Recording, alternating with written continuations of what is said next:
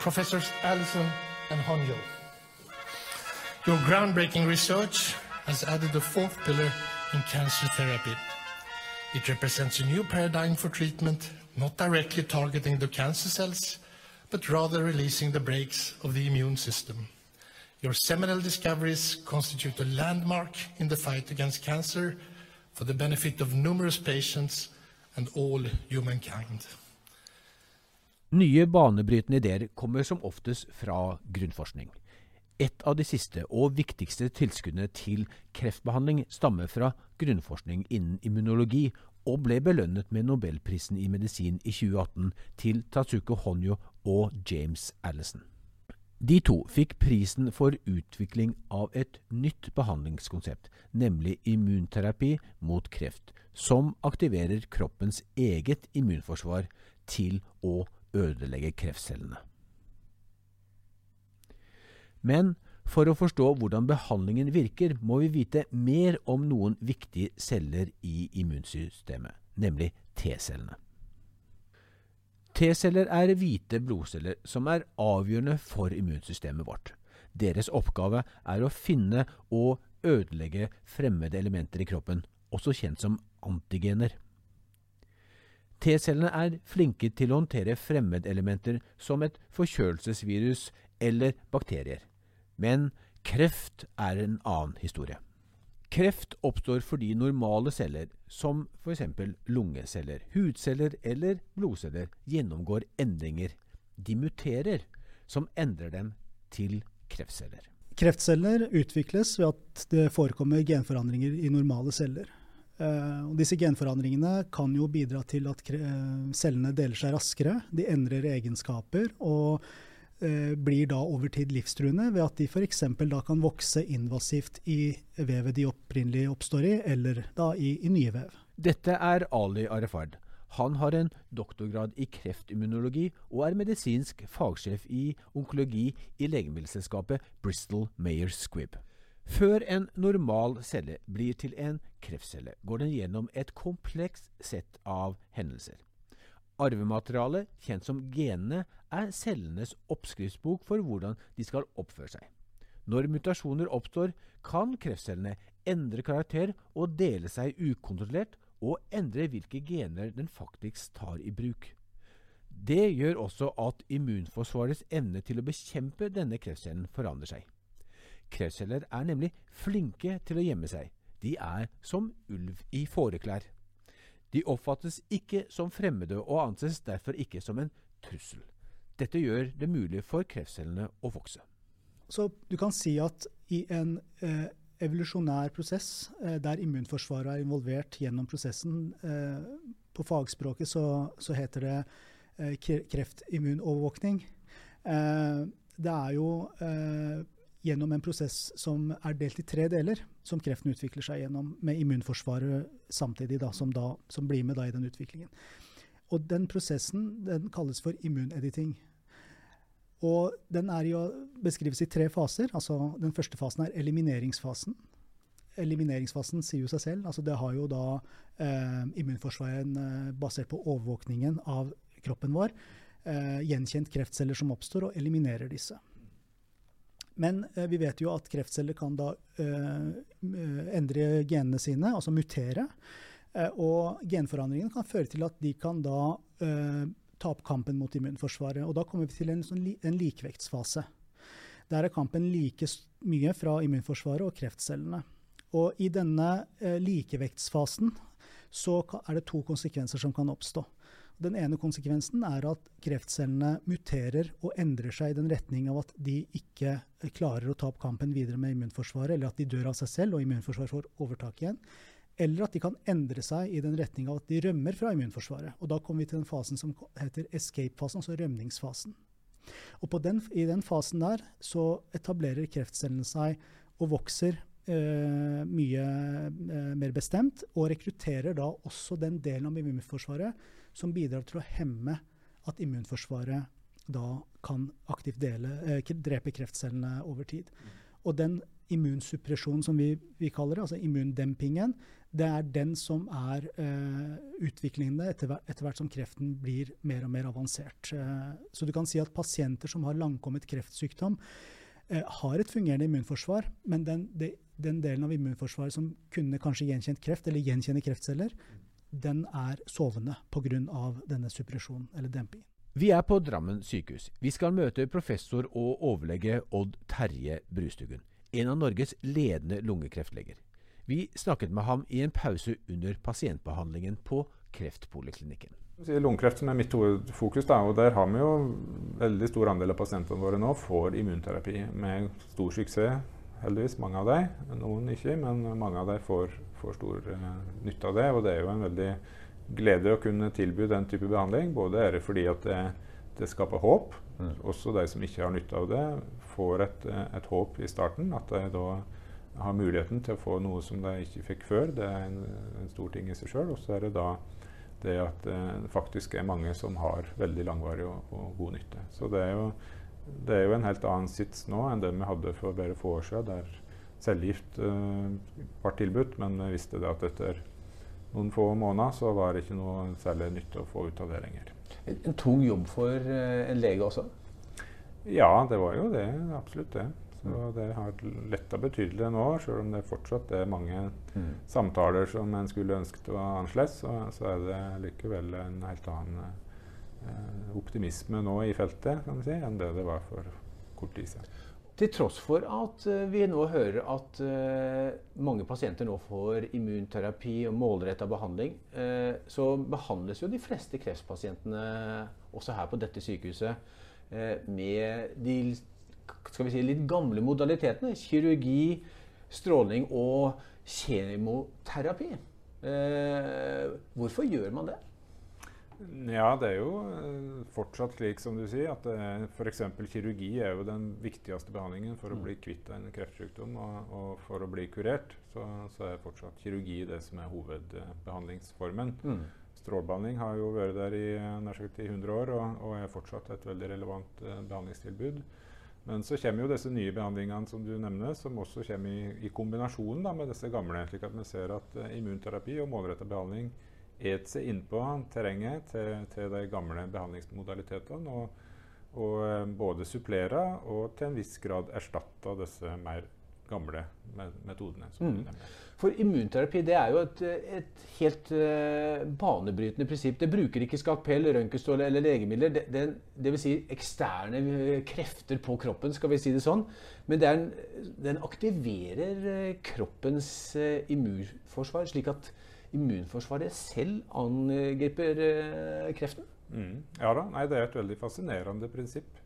Som, eh, som, jo kanskje også er, er, grunnen til at det har potensial til den virkelig gode effekten en ser. Mm. At en får kroppens eget immunsystem til å skjønne at her er det noe en skal ta tak i, og gjør det. Og, og at en da har, eh, har, gjort kroppen i stand til å fjerne de skadelige cellene. Mm. Så det er absolutt et veldig fascinerende og, og egentlig et revolusjonerende nytt prinsipp for kreftbehandling. Alle cellene våre har jo potensial til å lage mutasjoner, og mange av dem gjør det. Og hele tida så er det celler som da potensielt kan bli veldig skumle for oss. Mm. Men så er heldigvis eh, immunsystemet slik laga at de klarer å oppdage dette. De springer rundt og leter etter skumle celler hele tida og, og, får fjerna de aller, aller fleste. Men så er det da en, eh, dessverre en sjelden gang at det er celler som har eh, på ulike vis klarer å unnvike eller mm. lures unna mm. immunsystemet. og og da bli i stand til å utvikle seg på tross av, eh, av immunsystemets uh, funksjon. En kan jo litt sånn enkelt si at, eh, at cellene har klart å, å, lage sin egen usynlighetskappe rundt mm. seg. Disse kreftcellene gjør seg sjøl usynlige for immunsystemet. Og så er det da denne nye behandlingen som du sier, som kommer inn og, og, og fjerner denne usynlighetskappa og gjør disse kreftcellene synlige, slik at det normale immunsystemet vårt blir i stand til å opp, både oppdage det og uskadeliggjøre disse cellene. Få dem vekk. Kan du, Terje, kan du fortelle oss, Hva er da prinsippet eh, for hvordan da immunterapi eh, virker? Ja, det er, jo, altså, det er jo, et komplisert prinsipp, så, så, det å få det ordentlig, på ordentlig vis, det, det, skal jeg vel ikke ta på meg. Men, men, som sagt, enkelt sagt så er det jo det å, å få disse ulike cellene i immunsystemet vårt. Det er jo T-cellene som jeg snakka om, som er de som skal gå rundt og finne disse kreftcellene og, og binde seg til dem på ulike vis og få, få tatt, og drepe kreftcellene. Eh, og, og, da er det disse PD1 og PDL1-hemmerne som jeg snakka om, som jeg først og fremst bruker nå. Og så er det òg et annet konsept som heter CTLA4-hemmere, som virker på et litt annet sted i immunsystemet og, og gjør disse T-cellene mer i stand til å bli aktive.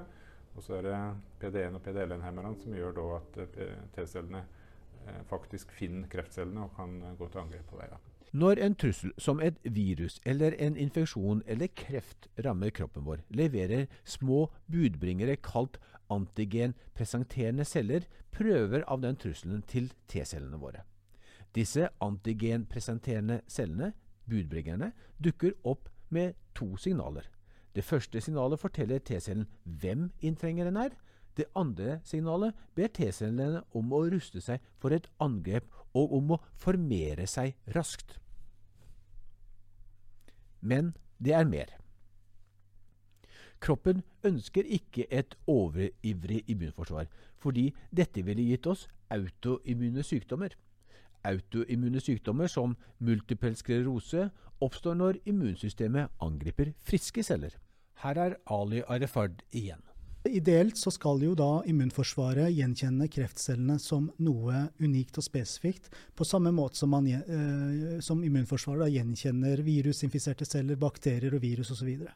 så du kan si at eh, immunforsvaret diskriminerer jo ikke på om det er kreft eller virus eller hva det nå er. Det bare ser på noe som ikke er eget, noe som er fremmed. Så eget skal man ikke danne noe immunforsvar mot, altså egne kroppsegne vev, mens det fremmede skal man da beskytte verten mot. Så i en uh, autoimmun sykdom f.eks., da har det da skjedd noe annet. ikke sant? Fordi at det som forekommer da, er at immunforsvaret da øh, gjenkjenner noe som er kroppseget som fremmed. Og kan da, da, kan man da uh, utvikle en autoimmun uh, situasjon. For å sikre at immunforsvaret ikke går til angrep på friske celler i kroppen vår og gir oss autoimmune sykdommer, finnes det flere viktige kontrollpunkter når immuncellene kommuniserer med andre celler. Disse kontrollpunktene kalles bremseklosser eller checkpoints. Dette kommer i form av molekyler på overflaten til T-celler som heter PD1 og CTLA4. Så både kreftcellene utvikla uttrykket et protein på overflaten sin som heter PDL1. Og, og, hvis en da har den, så er det et signal da, til T-cellene om at den skal uh, være i ro. Uh, så det er et sjekk, såkalt sjekkpunkt, denne PDL1-faktoren. Og mm. også på immuncellene så er det en tilsvarende PD1-faktor, som da møter denne PDL1. Og, så er det en annen sjekkpunkt som jeg var så vidt inne på i stad, dette CTLA4-systemet, som er måte, litt lenger unna kreftcellen på en måte, i, i immunsystemet. Men det er også en, en, et sjekkpunkt som på en måte skrur ned immunsystemet. Men det å da tilføre en CTLA4-hemmer, så, så, fjerner en den hemmingen og, og skrur på igjen eh, immunsystemet, kan jeg si. Jim Allison og Tatsuko Honyo fant at immunforsvaret hadde en komponent som skulle stanse det. Men hva i all verden har det å gjøre med kreft?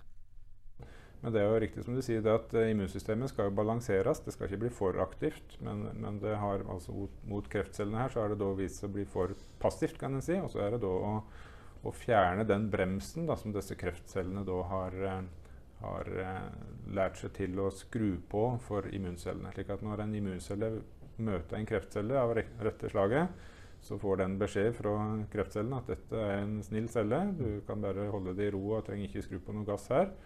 Men så kommer immuns, immunbehandlingen inn og sier at jo, dette er en kreftcelle som vi må få tatt knekken på. Og da, da fjerner en denne bremsen og, og setter på gassen på T-cellen, kan jeg si, slik at den da skjønner at her skal en virkelig gå til angrep. og og skytefiller denne her kreftcellen. Og det kan vi takke Jim Allison og Tatsuko Honjo for. De avdekket mekanismene, bremseklossene, som kreften bruker til å gjemme seg for immunforsvaret. Ja, så Kreftcellene det kan jo da som du sier, snike under radaren og gjøres usynlige. Og, og, da er det jo ved hjelp av disse nobelprisvinnende konseptene, både med CTLA4 og PD1 fra henholdsvis USA og Japan, så, um, så, vil en da kunne være i stand til, for oss som klinikere, å, gripe inn i den duellen mellom kreftcellen og immunsystemet og, og vippe det i favør av immunsystemet, kan jeg si. da. Så her er altså forklaringen. Jim Allison og Tatsuko Honyo viste i musestudier i laboratoriet at kreften lurer immunforsvaret. Den er ulv i fåreklær. Den aktiverer eller binder seg til CTLA4 og PD1 på T-cellene og stanser T-cellenes angrep. Dermed angriper ikke T-cellene kreften. Dette var helt revolusjonerende, Ingen trodde at kreften kunne slå av immunsystemet vårt.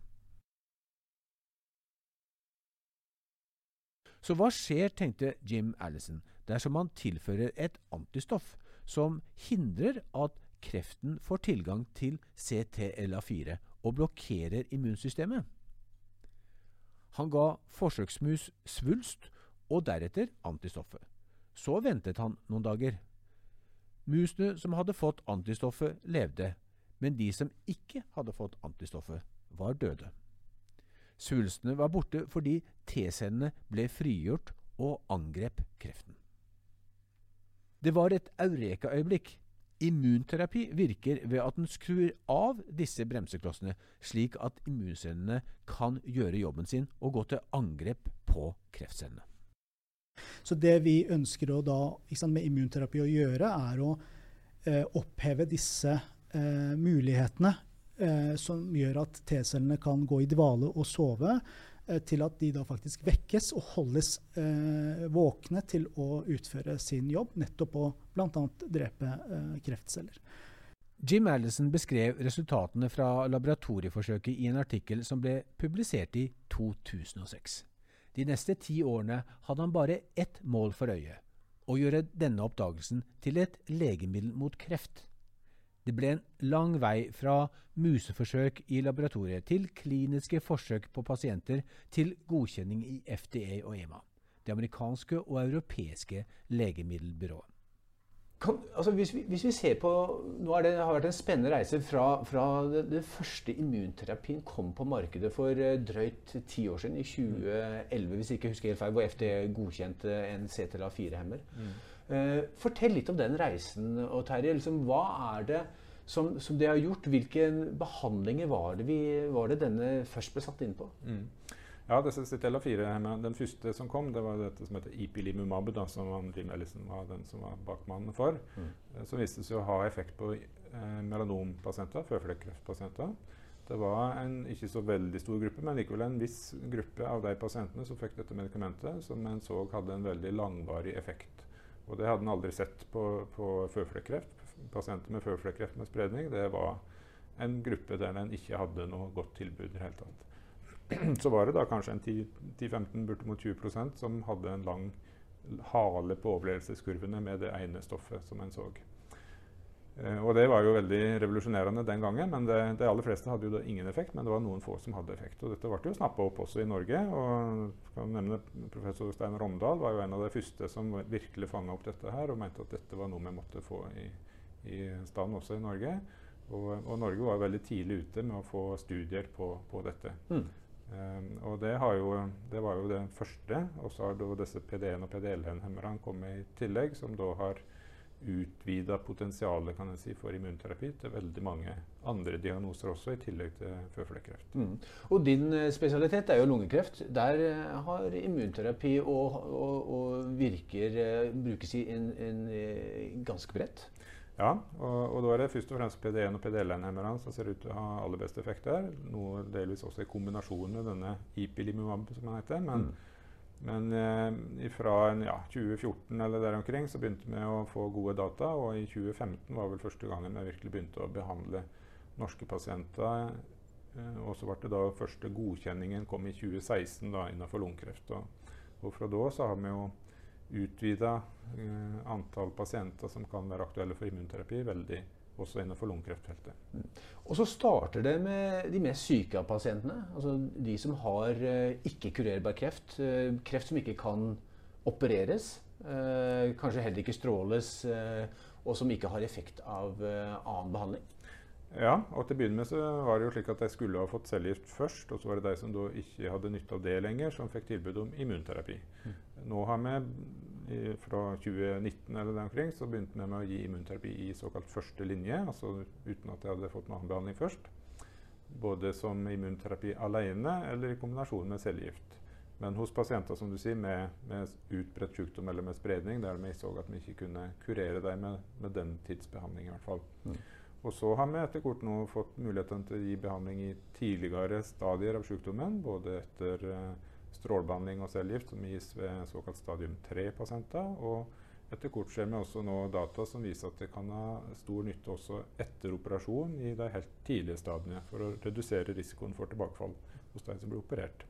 Så, så de som har en opererbar eh, lungekreft eh, og som har et potensial på å bli syke, de har en enda bedre sjanse for å bli friske eh, og ikke få tilbakefall dersom de rett etter operasjon også får immunterapi?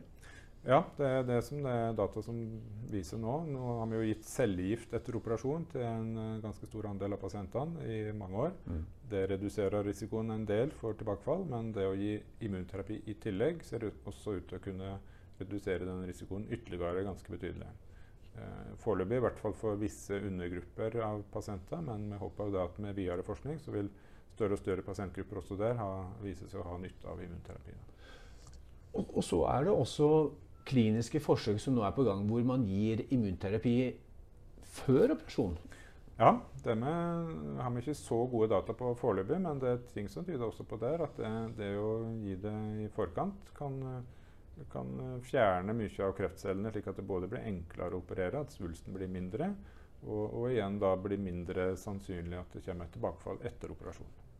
Hvordan vil du beskrive immunterapiens eh, betydning for eh, lungekreftfeltet eh, her og nå?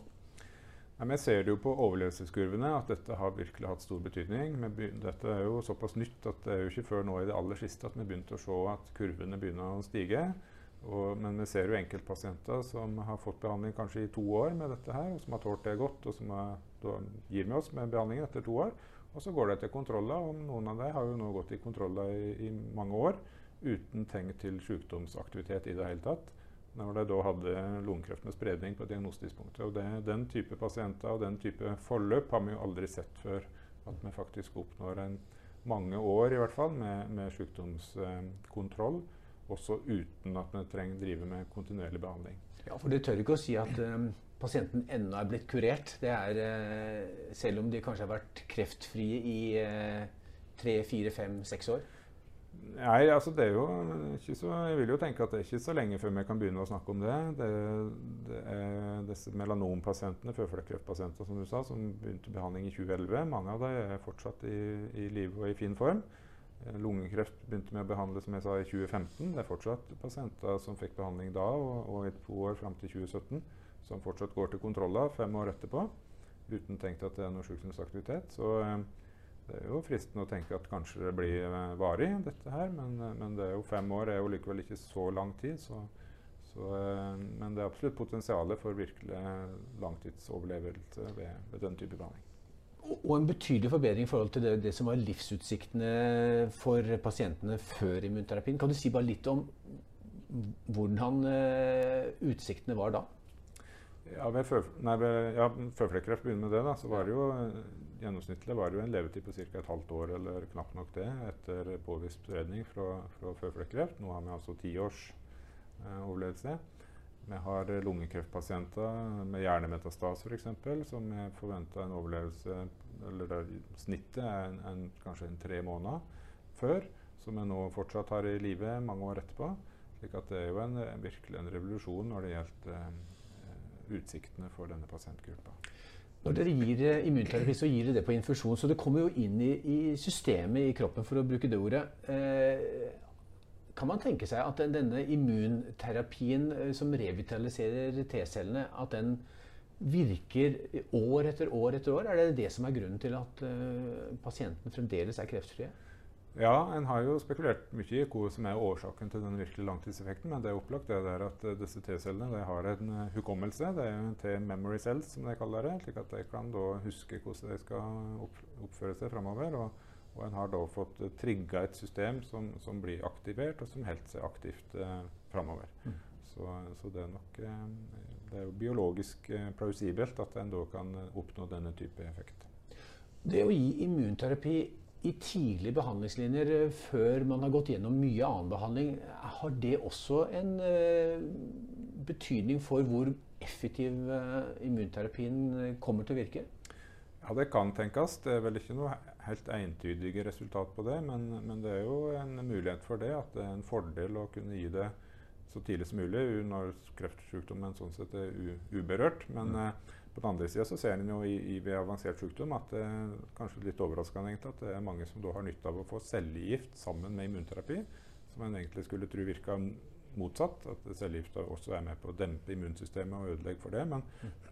i praksis så ser en jo at det med har en synergistisk effekt. da, At det hjelper å gi både cellegift og immunterapi i kombinasjon. Er det slik da at cellegiften virker på en måte til å åpne opp kreftcellene, slik at uh, T-cellene kan uh, få gjort eh, en ekstra god jobb? Ja, det er nok en del av forklaringen sannsynligvis det. At en får ut, altså det blir utskilt mye av innholdet kan si, i kreftcellene, som gjør at immunsystemet oppdager at her er det ting på gang som de må ta tak i, og som gjør at det blir aktivert. Og, og tilsvarende ser en også med strålebehandling. At en kan kombinere immunterapi med strålebehandling, som også er med på å drepe kreftcellene, og som gjør at det blir utskilt eh, stoff fra svulsten som eh, immunsystemet da fanger opp. Mm. Du brukte ordet revolusjon eh, i behandlingen. Men det er jo ikke alle pasientene som har en uh, slik oppsiktsvekkende effekt av immunterapi. Kan du bare si litt hvordan dette skiller seg mellom pasientene? Ja, både er det jo på forskjellige diagnoser så er det jo forskjellig effekt. Altså det er noen, noen store kreftdiagnoser der vi fortsatt ikke ser den helt store nytten av immunterapi. Både prostatakreft og de fleste av eh, mage-tarm-krefttilfellene, og også brystkreft. Så det er jo virkelig de store krefttypene der har, har foreløpig relativt beskjeden effekt av immunterapi. Men, men, det, men, på andre siden så er det flere og flere diagnoser dette kommer. Innenfor lymfom til og og hode-halskreft, nyrekreft, blærekreft og, lunge og, og, melanom, som jeg sa. Og en rekke andre mindre grupper, og gynekologisk kreft bl.a. Um, ehm, men selv om det er en diagnose der en ser at immunterapi ofte har en god effekt, så er det også der pasienter som ikke har nytte av dette. Mm. Og årsaken til det vet en jo i, i stor grad uh, lite om. Sjøl om en da har en mulighet til å selektere ut pasientene som der en har en viss, viss mulighet for effekter. F.eks. innenfor lungekreft så bruker vi da en spesiell markør. Og de som har den markøren på kreftcellene sine, de kan vi tilby immunterapi alene. Mens de som ikke har det, der skjer med de bør ha immunterapi sammen med cellegift. Så vi mm. har mulighet til å styre behandlingen litt ut fra, ut fra karakteristika ved svulsten. Men ofte så er vi, er vi i beit med å vite det. med med prøver og så ser vi at noen har effekt, noen har ikke effekt, uten at vi egentlig klarer å skjønne hvorfor det er sånn. Og den markøren, det må du si noen flere ord om. Er, hva er det? Ja, Ved lungekreft er vi særlig sagt at der er det en, en relativt enkel, et enkelt protein, da, denne PDL1-markøren, som jeg sier, som, som, er på tumorcellen, som da patologene kan farge for, som det heter. De bruker da spesielle metoder i laboratoriet for å se hvor mange av kreftcellene som uttrykker dette proteinet. Og hvis over halvparten av disse kreftcellene har denne, dette proteinet, så får vi klinikerne beskjed om det, og da kan vi gi uh, immunterapi alene. Men hvis under halvparten av kreftcellene har denne markøren, da gir vi som sagt kombinasjonen med immunterapi og cellegift. Så, så der eh, kreften er flinkest til å maskere seg, der ser det ut til at også immunterapien virker best? Ja, det kan du nok si. Mm. Mm. Mm. Hvis vi ser noen år fram i tid, eh, Terje, hva tror du øh, Hvilken rolle kommer immunterapien til å, å, få? Vil den forsterkes, eller vil det komme andre ting? Ja, Innenfor immunsystemet så er det jo, det er jo et veldig avansert og komplisert system. slik at det, dette PD1 og PDL1 og OCTLA4 for så vidt, er, er, jo bare to av en hel rekke ulike faktorer som en kunne tenke seg å, å, å påvirke da, for å få styrka immunsystemets evne til å fjerne kreftcellene. Så, så det, forhåpentligvis så er vi jo bare i starten der, at vi bare har begynt med to. Og så er det kanskje 10-15 og enda flere eh, som står i kø etter, som, som, kan være aktuelle enten som alenebehandling eller i kombinasjon med disse som vi nå allerede bruker. Og noe, noe, har vi jo sett allerede som er nyttig der, da, med mm. nye både sjekkpunktforhold eh, og andre faktorer som er mm. relevante. Så det er på en måte kombinasjonen innenfor immunterapien, men så er det òg kombinasjoner med, med annen cellegift, som jeg sa. Vi må bli flinkere til å skjønne hva som er de mest optimale kombinasjonene, og, og også kombinasjoner med målretta behandling, som en god del F.eks. innenfor nyrekreft så ser vi jo det at det å kombinere et målretta medikament i tablettform og immunterapi, det har en, en, en god effekt hos mange. Så det er mange retninger som dette feltet går i parallelt. Og, og akkurat å, å forutsi hva som blir den største suksessen, det er nok litt vanskelig. Vi var litt inne på, på, nye behandlinger. Du nevnte ny type immunterapi, som vi har sett på ESMO og ASKO tidlige studier. Mm. Kan du si litt, om, eh, litt mer konkret om det?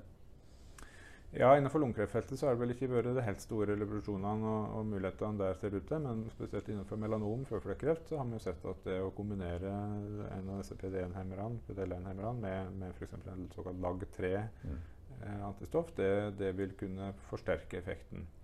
Eh, og, og, det er også andre eh, kan ikke alle faktorene der på rams er nå, men det er jo det er en hel rekke med, med ulike immunfaktorer som, som nå blir testa ut og lunge så er det vist at kombinasjonen CTLA4 og, og, PD1 sammen med litt cellegift, den trenger ikke mye cellegift, men en liten dose av en slags cellegift for å forsterke effekten, det også har, uh, har god effekt hos en, en, god del pasienter. For Det er et mål også, bare for å si det, at uh, å prøve å unngå å gi cellegift. For cellegift er jo et, en behandling som både eh, har mye bivirkninger, og, og, som er en risikabel behandling på mange måter. Mm. Eh, og det er det jo eh, mindre av immunterapi, selv om det heller er ikke noe bivirkningsfritt eh, konsept, så er det likevel oftest mye mer håndterbare bivirkninger ved immunterapi enn med cellegift. Så jobber du med en, eh, en studie nå, en, eh, en, studie med en immunterapivaksine, som mm. Eh, til alt overmål er da fra et norsk selskap som heter. Ultimovax. Mm. Den må du fortelle litt om. Ja. ja. da, det er jo en av disse kombinasjonene som jeg ser kan, potens, ja, som kan ha potensial framover. Det er jo et litt annet konsept enn disse sjekkpunkthemmerne, men, men, det er da også forsøkt å, å gi T-cellene noe, noe, å tygge på, som gjør at de blir i stand til å skjønne at her er det kreftceller. Eh, og da er det Jeg vet ikke hvor mye detaljer jeg skal gå på det, men, men det er altså eh, Normale celler stopper å deles etter en viss tid. Mens kreftceller de har et potensial, potensial til å dele seg i det uendelige, egentlig. Fordi de har et spesielt enzym som gjør at eh, kromosomene ikke endra seg ved hver deling, i motsetning til normale celler, som blir kromosoma egentlig kortere og kortere ved hver deling. Men med kreftceller så blir de like lange. De blir på en måte bygd på igjen, slik at de ikke eh, stopper å dele til slutt. Og, og dette enzymet da, som gjør denne forlengelsen av eh, kromosomendene, den, det viser seg å være noe som en vaksine kan utnytte. Mm. Så da er dette firmaet Ultimovax det har lagd et eh, et konsept der de bruker deler av dette enzymet, sprøyter det inn i uh, huden. Immunsystemet klarer å fange opp dette, at det her er deler av dette enzymet som de skal prøve å, forberede seg og gå til angrep på. Og så møter de også samme enzymet i kreftcellene og vil da bli i stand til å, å um, gå til angrep på kreftcellene, fordi de har lært seg til at dette enzymet det er noe de skal uh, angripe. Og Her vurderes det nå inn uh, pasienter eh, til denne studien? Ja, det er vi like før. Det er, vi håper at vi er i gang nå eh, rundt påsketider, eh, målet. Um, og det er da en sprøyte som blir satt i underhuden, eller i, i huden, i, noen ganger til å begynne med, og sammen med immunterapi. slik at mm. det er en behandling som ofte eller som er enkel å forholde seg til både for pasient og for de som skal gi behandlingen. Forskere og legemiddelindustri jobber for å utvikle nye og mer effektive immunterapier og kombinasjoner av immunterapier for at flere pasienter skal få mange flere år å leve, og kanskje bli kreftfrie. Stikkordet er presisjonsimmunterapi. Her er Ali Arefard til slutt. Den, den, læringen man har fra kliniske studier, er jo det som gjør at vi nå kan identifisere nettopp den to tredjedels pasient som ikke responderer på dagens immunterapi, og, og hva kan vi gjøre for dem. Mm. Eh, og, og, der er det jo eh, i, i, porteføljen til, uh, til mange legemiddelselskap som driver med immunterapi, inkludert den som jeg jobber for, eh, har jo man mange hypoteser for å finne ut hvordan man kan da eh, posisjonere enkelte legemidler for de pasientene videre. In, altså, da snakker vi om immunterapi. ikke sant? Mm. Og hvilke kombinasjoner man skal gi. Så man beveger seg mye mer i retning av presisjonsimmunterapi, men man må finne mer ut om hva er egentlig målet for den behandlingen. Altså hva er målet til til, til, pasientpopulasjonen man skal velge for den nye behandlingen som man tester ut. Mm. Og det er jo, eh, Vi er veldig stolte av at Norge kan være med på den utviklingen. Fordi at eh, Norge har vært i front innenfor forskning på immunterapi lenge før det i det hele tatt ble, ble en realitet for pasienter i klinisk rutine. Uh, og det vi ser nå, er jo neste eraen innenfor utviklingen, der også Norge er med på, på det, og, og finne ut da hva de neste generasjons immunterapier kan bidra for pasientene som, som i dag ikke da responderer på, på, på, dagens behandling. Og hva er, den, hva er, det, det som skjer i Norge på dette feltet? Det er alt fra tidlig fasestudier til senfasestudier. Eh, flere selskaper har jo sine unike kombinasjoner og sine mm. hypoteser. Så det er jo det som gjør det spennende. At man da eh, fra å være få som driver med det globalt, er man flere. Og da er jo sannsynligheten høyere for at man kanskje treffer på flere behandlingsalternativ som kan være, gi gevinst da, for, for, pasientene som, som i dag ja, Spesielt de som er langkommet sykdom, som sliter i dag med å få, få god, langvarig respons. Mm. Anna, tusen takk for at du ville komme til oss. Takk for invitasjonen.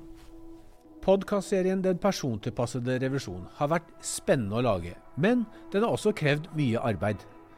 Bak serien står et team med videofotograf, producer, redigerer, digital markedsfører og undertegnede. Podkastserien hadde aldri sett dagens lys uten våre hovedsponsorer. Jeg vil derfor sende en stor takk til AstraZeneca, Bristol Mayer Squibb, GlaxoSmithKline, Jansen og Roche. Besøk gjerne denne websiden vi har laget spesielt for denne serien. Webadressen er www.dptr.no. Her ligger det bakgrunnsinformasjon, og du kan ikke minst se alle videoene som er laget til hver episode.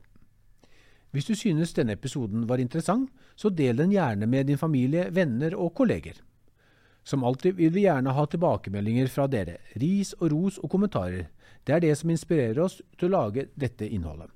Du må gjerne sende meg en mail til hans at heltalk.no. Det er altså hans at heltalk.no. Takk for at du lytter til Den persontilpassede revolusjonen.